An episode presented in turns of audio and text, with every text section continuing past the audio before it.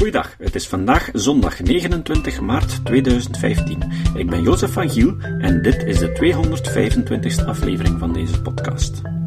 Op 3 maart ben ik bij Johan Braakman op bezoek geweest en ik heb hem geïnterviewd. Aan het einde van het vorige deel vroeg ik hem of het mogelijk is om mensen te overtuigen van hun ongelijk. In dit laatste deel van het interview horen jullie zijn antwoord. Daar gaan we. Je spreekt nu over uh, complottheoristen en zo. Wij uh, als sceptici, we gaan, uh, we, we, gaan daar tegen soms een, een, zekere strijd voeren of, of tegen gaan reageren. Maar is het eigenlijk mogelijk om dergelijke mensen te overtuigen van hun ongelijk? Ja, dat is een zeer goede vraag. Ik denk soms wel. Maar het is maar een kleine minderheid. Mm -hmm. Dus het is een heel interessante vraag. waarom is het zo moeilijk?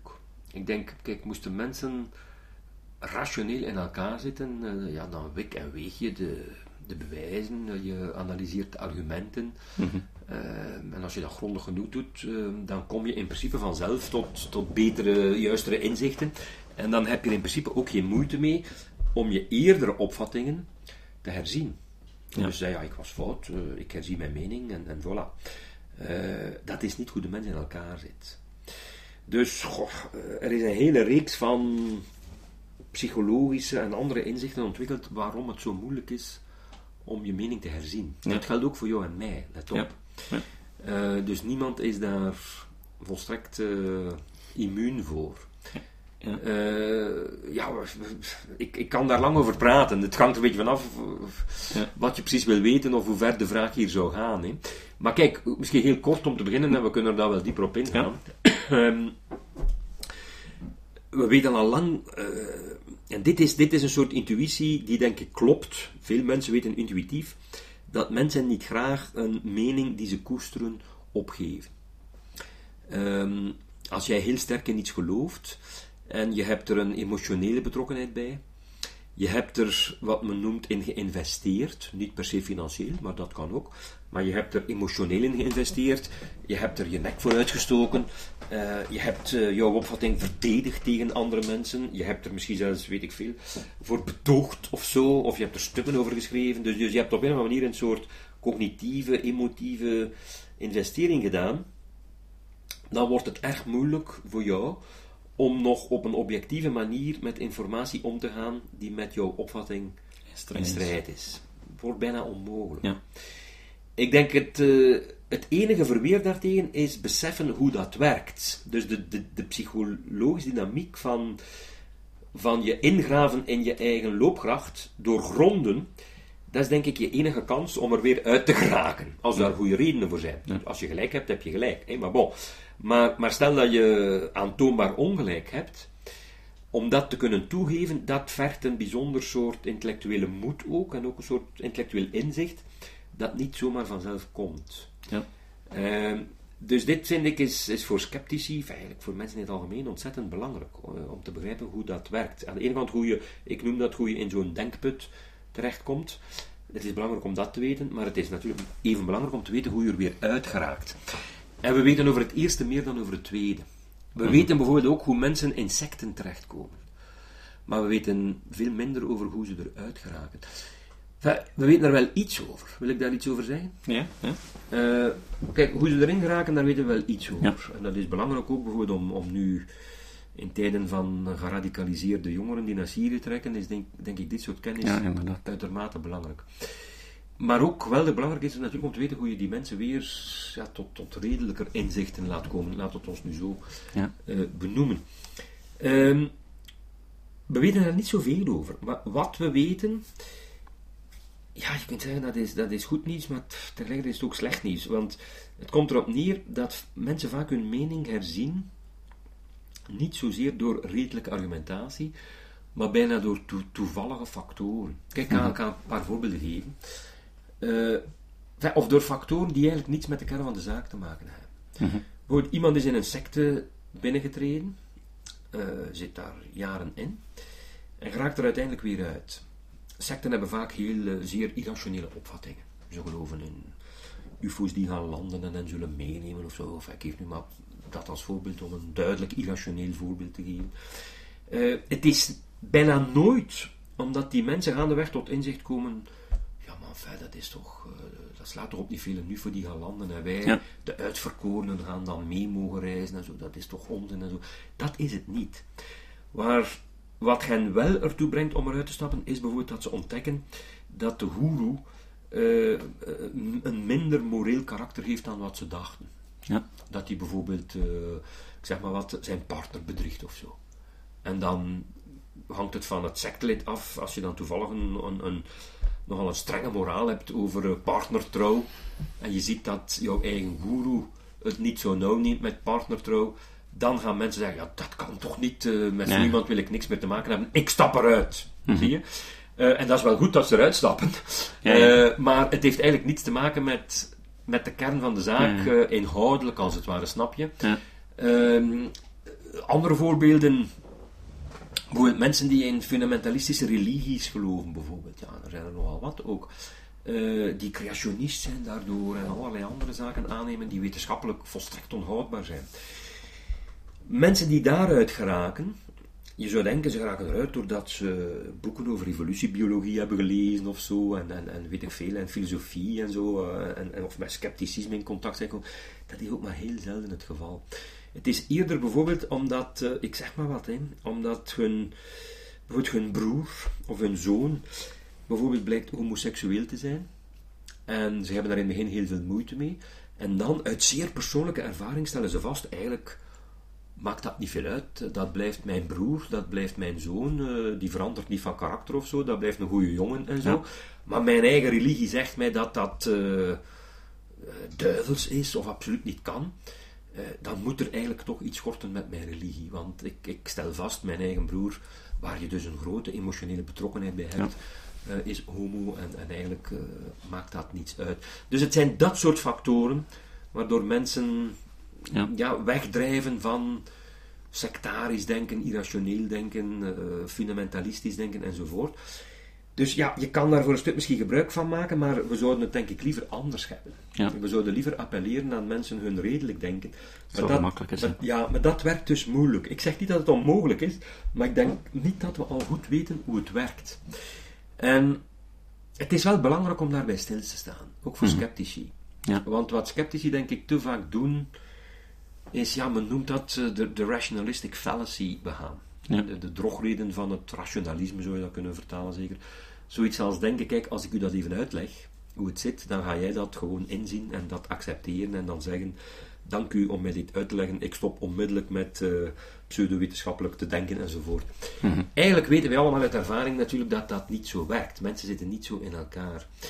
Maar belangrijker nog is dat sceptici of, of critici in het algemeen van pseudowetenschap of irrationalisme mensen natuurlijk net dieper in de put kunnen duwen.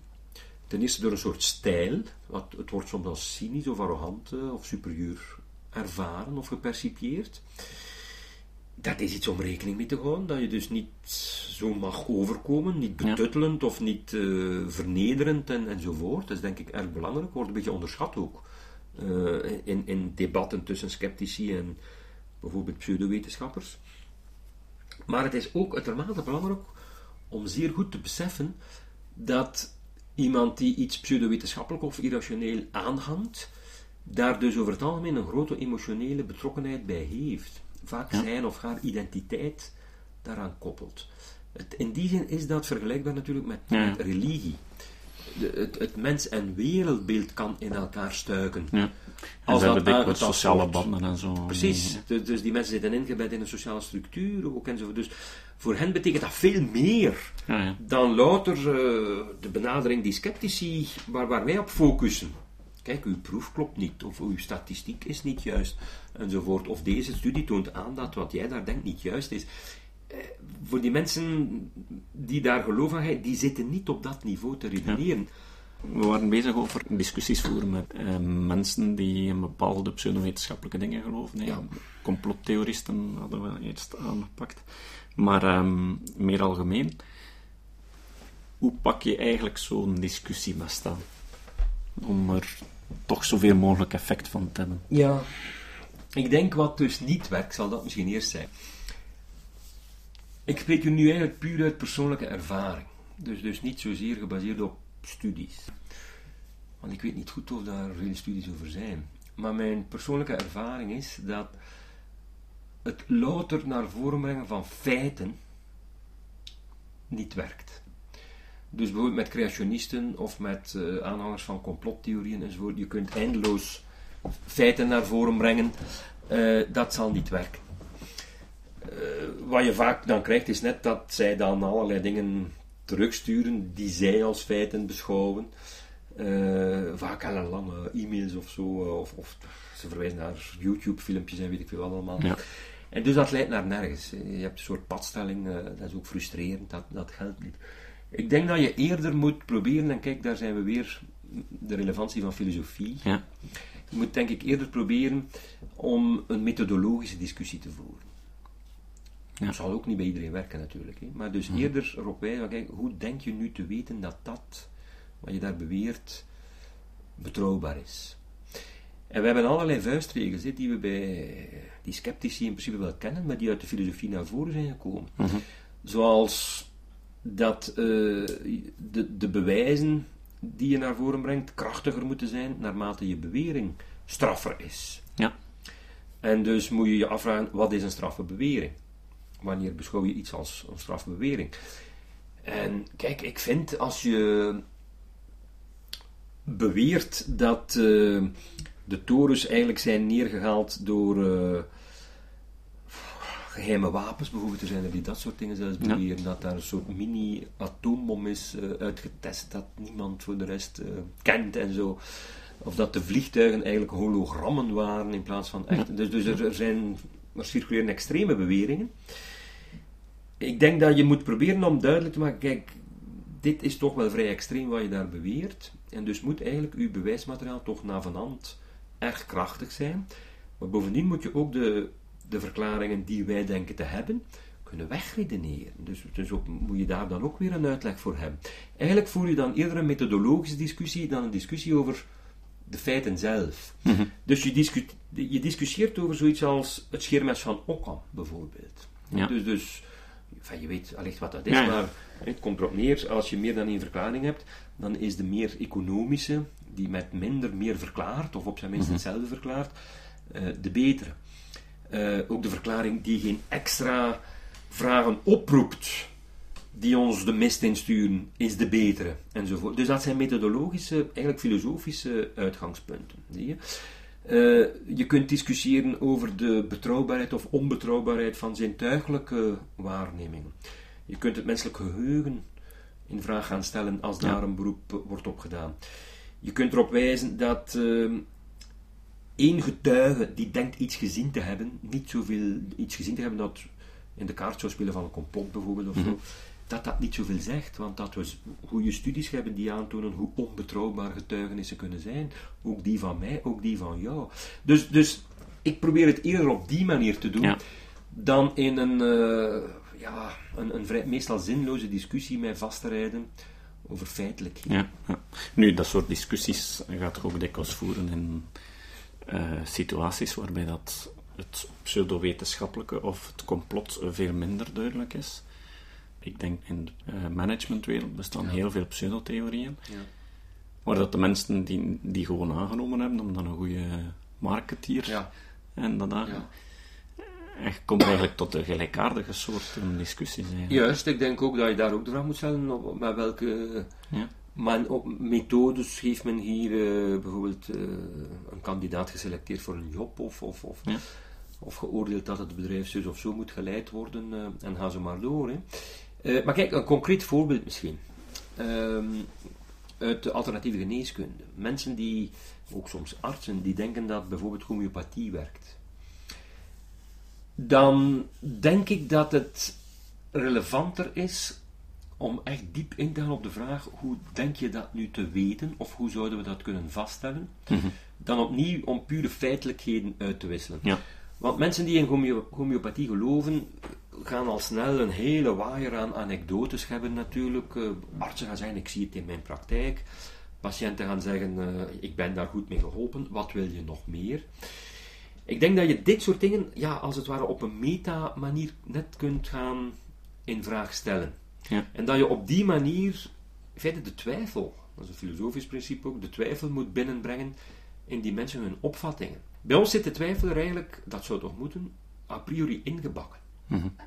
En wij denken, ik denk dat wij beter beseffen dat je bijzonder subtiele en grondige studies moet hebben, en niet eentje, maar meer, vooraleer je tot zinnige conclusies, tentatief voorlopig, over die zaken kunt komen. Ja. Zie je? Ehm, laat ik het heel concreet illustreren. Als je bijvoorbeeld over homeopathie, als je daar feitelijkheden naar voren brengt, bijvoorbeeld vanuit de chemie, dat het niet kan, dat daar nog iets, eh, een spoor van het oorspronkelijke molecuul in zit, en zo je weet wat homeopathie is. Eh, Ja. bon. Eh, dat is een feitelijk iets.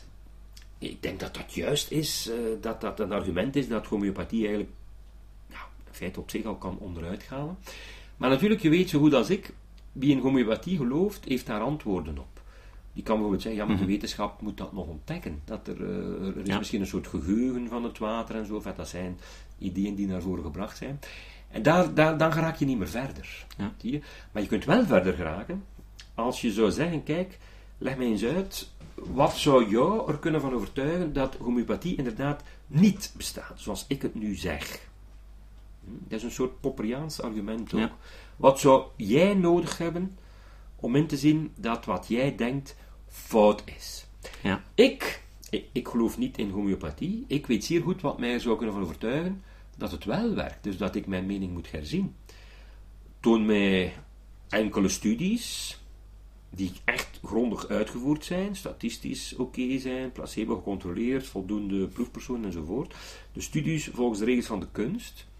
Als er zo'n aantal herhaald kunnen worden, die aantonen dat met ja, echte homeopathie, hè, dus met de juiste verdunning en, en heel de boel.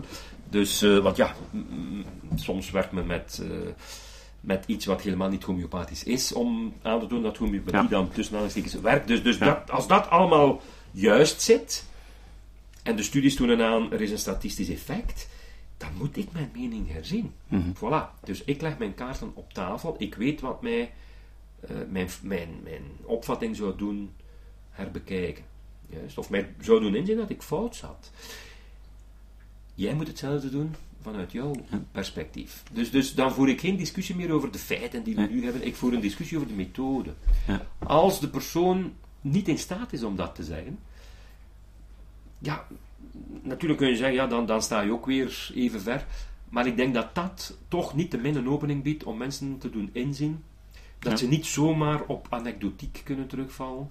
Dat het niet zomaar oké is om een ad hoc hypothese in te voeren. Ja. eh, dat ze niet zomaar kunnen verwijzen naar dubieuze studies enzovoort. Dus, dus dat vind ik een faire manier van discussiëren. En het neemt de gesprekspartner eigenlijk ook ernstig. Ik kan nooit zeggen, je gelooft in iets dat belachelijk is of, of het is irrationeel. Enfin, ik kan dat misschien wel zeggen, maar dat is niet de essentie van de zaak. Ja. De essentie van de zaak is eh, dat je te gronden probeert overeen te komen, een de platform vindt dat methodologisch van aard. Ja. En van daaruit kun je, denk ik, mensen uit hun denkput halen, of omgekeerd, ik kan ook uit de mijne gehaald worden, moesten de resultaten Ja. dat no- nodig maken, natuurlijk. Ja. Dat vind ik fair. appelleert daar ook een beetje op eh, de weder, het wederkerigheidsprincipe Voilà, ja. Cialdini eigenlijk in zijn beïnvloedingstheorieën Ja, precies. Het is, eh, je, je, je plaatst jezelf op gelijke voet, Ja. in feite. En zo hoort het eigenlijk ook. Ja. Nu, ehm, we hebben eigenlijk gehad over ja, hoe overtuig je iemand die in pseudowetenschap. hè, we zijn een beetje tot de conclusie gekomen van dat is niet gemakkelijk en het komt niet veel Het is voor. aardsmoeilijk, ja. Nu, zijn sommige mensen die dan wel dikwijls van die publieke discussies voeren, die zeggen ja, tijdens zo'n publieke discussie probeer ik niet mijn tegenstander eh, te overtuigen, want die is toch niet te overtuigen, Ja. maar probeer ik het publiek, die je zo'n beetje Ja. middenmaat brengt, Ja. te overtuigen.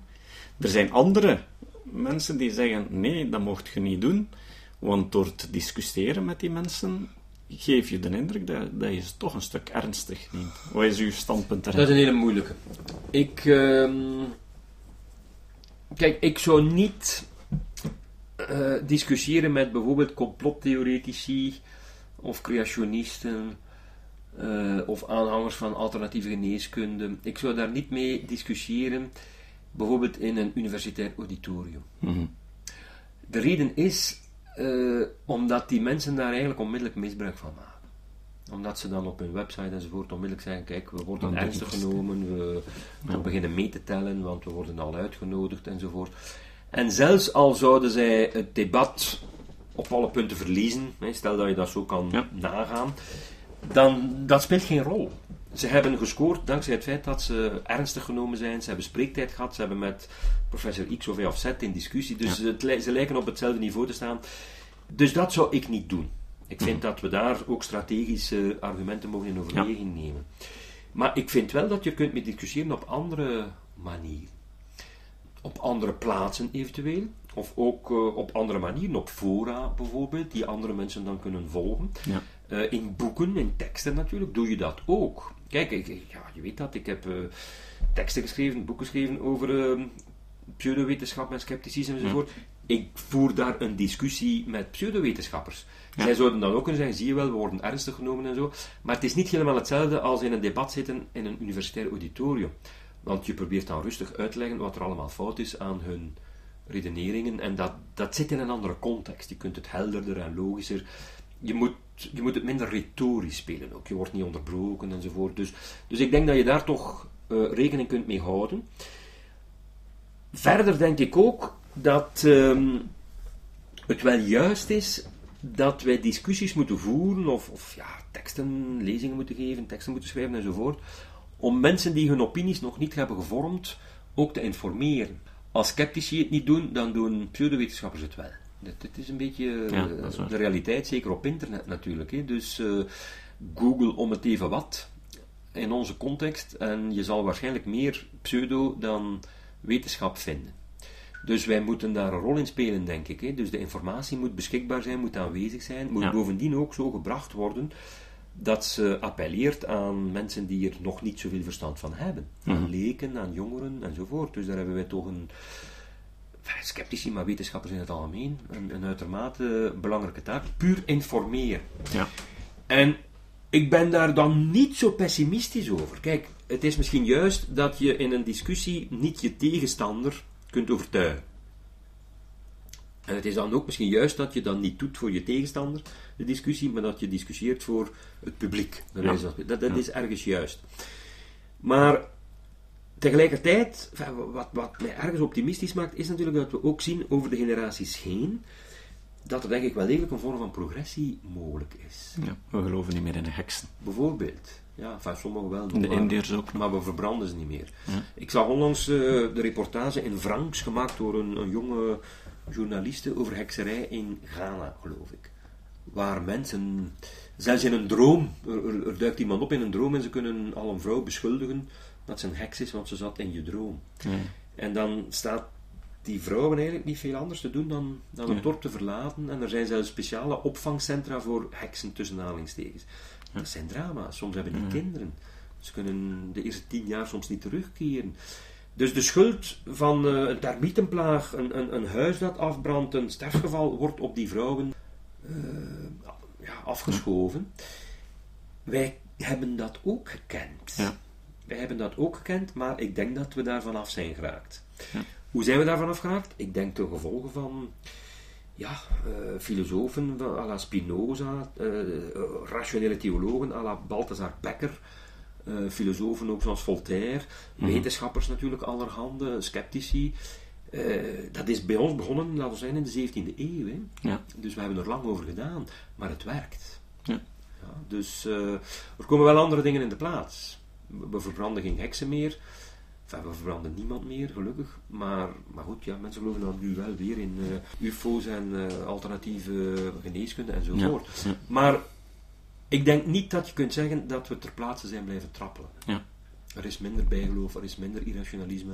Het is niet. eh, Kijk, neem nu de politici. Je kunt van alles zijn over politici, maar de gemiddelde politicus die wat gewicht in de schaal legt in een democratie, als België en, en, en bijna alle andere democratieën, zou niet met een heksentheorie of een ufo-theorie of, of, noem maar op eh, Ja. moeten komen aandraven om iets te verklaren of om iets naar voren. Dat zou niet meer werken. Ja. De pers is onvergelijkbaar veel kritischer geworden. Mensen Ja. in het algemeen zijn veel kritischer geworden. Terwijl dat dan bijvoorbeeld in Afrika wel het geval is. Precies, maar daar heeft men dus niet die wetenschappelijke educatie. Daar zijn geen sceptici die eh, een podcast eh, Maar er is maken. dinges Leo Igwe die daar, Leo Igwe die daar als one man Er zijn er, natuurlijk, er zijn er, maar dat is daar vechten Maar, tegen de bierkaai. ja, ja, ja. Maar dat was bij ons ooit ook zo. Ja. Ik denk, wij moeten die mensen proberen te helpen eh, op allerlei manieren. En, en kijk, bijvoorbeeld het, ja, het voorbeeld dat ik geef in Ghana, eh, uiteraard, er is daar van alles eh, nodig. Hè. Betere geneeskunde, betere jobs, betere wegen, betere infrastructuur. Er zijn daar ingenieurs nodig, er zijn daar artsen nodig, er is daar van alles nodig. Maar er is daar ook educatie nodig. Ja. Er is daar ook scepticisme nodig. Er is daar rationalisme nodig. En ik denk het een voedt het ander en omgekeerd. Mhm. Wel, meer welvaart kan ook meer leiden tot meer rationalisme enzovoort. En omgekeerd. Ehm, dus, dus in die zin, ja, je moet geloven in wat je doet natuurlijk, maar, maar je moet daar ook niet zomaar in geloven. Er zijn, er zijn heel wat indicaties dat het wel degelijk werkt. Al zie je dat niet op korte termijn zomaar veranderen natuurlijk. Ja. Zelfs in de Verenigde Staten, als je puur naar de cijfers kijkt, lijkt, lijkt er de 100 jaar niet veel beweging te zijn gekomen in het geloof in creationisme. Sommige mensen denken zelfs in tegendeel. Dat is niet juist. Ja. Het is eigenlijk afgekalfd. En zelfs zoiets als het Creation Museum, ik heb dat ooit bezocht, Ja. is relatief nieuw. Ik heb dat bezocht toen het een Ja. jaar of twee, drie oud was. eh, een jaar of zes, Ja, zeven ik heb er een artikel over geschreven in uh, Huawei. Ik denk het, denk het wel, ja. Ja. Eh, maar wat ik nu lees, is dat het aantal bezoekers toch afkalft en dat ze zelfs in de schulden zouden geraken enzovoort. Ah, Eh, Dat is goed nieuws. dat is goed nieuws. voilà, dat is goed nieuws. Terwijl ik moet toegeven, vijf jaar geleden was ik eh, eerder pessimistisch. Ja. Maar ehm, het, het, het schijnt toch volgens de sociologen ook af te kalven. Zoiets als intelligent design, in de jaren 90 zeer populair. Nu hoor je daar niet meer van. Dus, dus Maar gisteren heb ik een artikel gezien dat ze in Spanje zouden proberen een, eh, een wet erdoor te krijgen om in de schoolboek weer creationisme te... Dat is mij ontgaan. Maar kijk, natuurlijk blijven er altijd pogingen bestaan. Hè. Dus Ja. in Nederland, eh, zeker rond het Darwinjaar, is er van alles gebeurd. Maar ik denk dat, eh, dus dat was in 2009, maar ik denk dat eh, globaal gezien, nu ondertussen al, alweer een jaar of zes, vijf, zes later, dat het effect voor het creationisme eerder negatief was. Ja. Want je merkt gewoon dat die pogingen van creationisten toen, 2009 in Nederland, zo met foldertjes en, en, en, zo, ja, dingen die eigenlijk kant nog wel raakten, dat dat niet meer werkt. Ja. En dat daar, er, zit een, er is onmiddellijk eh, door sceptici, door wetenschappers, door leerkrachten onmiddellijk op gereageerd. Zelfs door theologen ook, hè, die zeggen, dit is Ja. onzin, dit is Ja. niet de theologie die wij nodig hebben enzovoort. Dus er is veel meer en veel robuustere weerstand daartegen. Mhm. Dus, laat ons optimist zijn. Ja, ja. Maar dus, eh u bent ook optimistisch over, eh, want ondanks, onlangs eh, schreef Brecht de Koene, die op ISCAP zit, een artikel in Knak waarin hij pleit om meer kritisch denken te geven in, in de scholen. Ja. Aan de andere kant zijn er eh, didactologen of mensen die didactiek onderzoeken, Pedagogen of zoals Daniel Willingham bijvoorbeeld, die denkt dat dat niet helpt. Maar ik heb de indruk dat u wel optimistischer bent. Ja, nee, ik denk dat het zeer zeker wel helpt. Ja. Maar je moet het op de juiste manier doen. Ja. Dus, eh, eh, we hebben er al over gesproken dat je eerder methodes moet aanleren dan puur aan kennisoverdracht doen. Ik denk trouwens voor het wetenschapsonderwijs in het algemeen. Het is denk ik veel belangrijker om uit te leggen hoe Newton tot zijn gravitatiewet gekomen is, dan om gewoon de gravitatiewet aan te leren. Enfin, die moeten ze kennen. Maar het inzicht in hoe die wetenschap Ja. werkt, is in feite van veel groter belang. Ja. Eh, Dan, dan kunnen zij daar zelf mee aan de slag. Om, om zin van onzin en betrouwbaar van minder betrouwbaar te gaan onderscheiden. Dus ik begrijp niet goed dat men kan van mening zijn dat dat niet zou werken. Eh, uiteraard werkt dat. Dat werkt individueel. eh, en dat werkt ook historisch. Op, op, op populatieniveau of op maatschappelijk niveau. Maar je moet het natuurlijk op, op de juiste manier doen. Ja. Eh, heel persoonlijk heb ik dat ook al ervaren. Hè? Dus ehm, eh, dat mensen te kennen geven, kijk, door eh, een, een, boek of uh, bijvoorbeeld dat hoorcollege van mij, of, of, ook teksten van andere mensen of zo, maar mensen zeggen dat, kijk, ik dacht zus en zo, maar die inzichten hebben mij ertoe gebracht om, om meer kritisch, meer redelijk ja. enzovoort te gaan denken. Natuurlijk werkt dat. maar je moet het op de juiste manier doen, want dat is een subtiele kwestie. Want als je het fout doet, duw je mensen net... In de andere richting. In de andere richting, ja. ja, ja, ja. Goed. Uh, ik heb nog één vraagje. Uh, dus je hebt redelijk wat boeken geschreven tot nu toe. Een aantal hoorcolleges ingesproken. En nu is er net een nieuw hoorcollege uit. Waarover gaat dat juist? Het gaat, uh, ja, enerzijds over iets totaal anders dan waar we tot nu toe over gesproken hebben. Maar ik denk dat het tegelijkertijd er toch ook wel verband mee houdt. Het gaat over bioethiek. Dus het duurt ook ja, een kleine zes uur. En het is opgedeeld in uh, geboorte, leven en dood. Mhm. En ik bespreek allerlei zaken zoals stamceltherapie, kloneren, mhm. genetische manipulatie, uh, orgaandonatie en het tekort aan organen, kunstmatige organen, mm euthanasie, uh, levenseinde kwesties, wat je wel en niet met iemand die in coma ligt mag doen enzovoort. Dus zo typische medisch, ethisch, bioethische kwesties. Dus er zit natuurlijk relatief wat medische wetenschap in, maar natuurlijk als filosoof, ik bespreek dan vooral uiteraard de, de, ethische problemen die daar ronddraaien. En ja, je moet geen bioloog of, of, medicus zijn om Nee, nee, nee, nee, nee. Het is uh, denk ik, ik hoop het voor, voor iedereen begrijpelijk. Uh, ja. Uh, ja. het is misschien het meest interessant voor mensen die in, het, in dat vakgebied zitten, maar in feite, ja, je kunt je krant niet openslaan of er, of er is wel iets bioethisch of medisch-ethisch. Uh, wekelijks zijn er doorbraken of zijn er dilemma's, uh, een speciale vorm van voortplanting weer, of een bijzonder euthanasiegeval, noem maar op. Dus ja. dit duikt langs alle kanten op. naarmate de technologie en de wetenschap vordert, dat gaat er niet op verbeteren, zal het maar zijn. Dus wat ik probeer te doen is ja, wat, wat redelijkheid in dit soort debatten brengen. Dus in die zin, denk ik, sluit het wel weer aan bij waar we het over hebben. Maar het gaat dan niet zozeer over redelijkheid ten opzichte van ja, wetenschap en pseudowetenschap en irrationalisme, die over feitelijke, empirische kwesties te maken, die daarmee te maken heeft. Het gaat eerder dus over redelijkheid in ethische opvattingen. Ja, ja. Uh, want ook daar natuurlijk zijn mensen soms, denk ik, eerder onredelijk. Je kunt bijvoorbeeld mhm. Uh, je kunt het slachtoffer zijn van, ik zeg maar wat, uh, enfin, van wat ik noem uh, een morele illusie. Dus denken dat een bepaalde opvatting of een bepaald gedrag totaal fout is, terwijl het eigenlijk moreel neutraal is. Ja. Bijvoorbeeld homoseksualiteit. Ja. ik ga dat heel kort even toelichten. Dat is niet zoiets waar, waar denk ik wetenschap veel over te vertellen heeft. Enfin, wetenschap kan dat natuurlijk kan natuurlijk misschien verklaren waarom het bestaat en hoe het zich ontwikkelt enzovoort. Maar bedoel, in de morele of ethische discussies daarover, kijk, uh, niet zo lang geleden, een goed jaar geleden, was er in Frankrijk discussie over het homohuwelijk. In België mm kunnen we al een hele tijd trouwen, maar voor- en tegenstanders. Er zijn daar honderdduizenden mensen op straat gekomen tegen het homohuwelijk in Frankrijk. Ik vond dat nogal nogal frappant, omdat Frankrijk is toch het land van uh, egalité, fraternité en liberté, van de verlichting en zo. En zo je denkt, oh, in Frankrijk uh, moeten ze daar toch uh, compleet open-minded over zijn en wat, ja. wat, wat zou compleet acceptabel moeten zijn. Nee, honderdduizenden mensen tegen het homohuwelijk. Wel, ik denk, dat is een typisch voorbeeld van een morele illusie.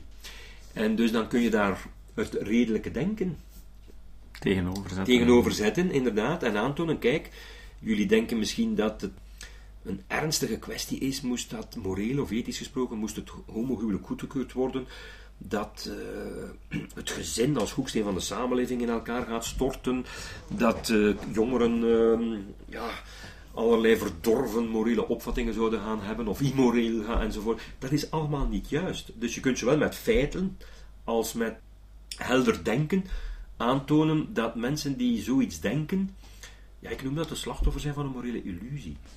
Ander voorbeeldje. Nog altijd zijn er mensen die denken dat de euthanasiewet zou leiden tot nazistische praktijken. En, ja. uh, slippery slope argument, je kent dat. Ja, de selectie van mensen ja, tot de ideale Arische rassen. Dat ook, eugenetica, eugenetica, dat soort dingen, daar zocht je naar. Ja. Wel, ook daar kun je redelijkheid in het debat brengen. Mm -hmm. uh, dus dat is wat ik probeer te doen in feite met dat hoorcollege. Dus, uh, dus in die zin lijkt het wel op eerdere Ja. colleges die Oké. ik al gegeven heb. Ja, dat klinkt zeer interessant. Ik ga alleszins de link op de notitiepagina zetten. Dankjewel. Bedankt, Johan. Graag gedaan. Tot de volgende keer misschien. gesprek. Ja, ja. Het citaat. Het citaat van vandaag komt van Lord Northcliffe. Northcliffe was een mediamagnaat van het einde van de 19e en begin 20e eeuw. Toen ik dit citaat voor het eerst zag, stond erbij dat het afkomstig is van George Orwell. Maar na wat zoekwerk bleek dat niet te kloppen. En zo zie je weer een voordeel van het scepticisme. Je leert interessante mensen kennen die dingen zeiden die toegewezen worden aan andere mensen die je kent. Northcliffe zei: Nieuws is dat wat mensen niet willen dat je het drukt. Al de rest is reclame. Tot de volgende keer. Deze podcast is het resultaat van het werk van veel mensen. Rick de Laat verbetert bijna al mijn teksten en maakt de meeste vertalingen. Emiel Dingemans verzorgt onze website en Facebookpagina.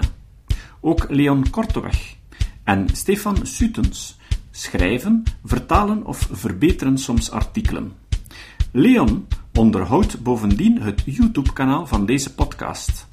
De muziek van de intro en de trailer heeft Nick Lucassen geschreven en soms maken we ook gebruik van muziek van Ad van Nederpelt, die ons zijn prachtige composities ter beschikking stelt. Dit was de podcast Kritisch Denken. Vergeet niet om alles kritisch te behandelen, ook deze podcast. Voor verdere informatie over deze podcast, links en voor de tekst, surf naar www.kritischdenken.info. Als je deze podcast belangrijk vindt, kun je me steunen door anderen warm te maken ook eens te luisteren. Stuur een e-mail naar vrienden met een link naar de website en plaats de link in de handtekening van je e-mails. Tevens kun je op iTunes deze podcast een beoordeling geven of een recensie schrijven. Of je kan op je eigen website of blog een link naar kritisch denken plaatsen.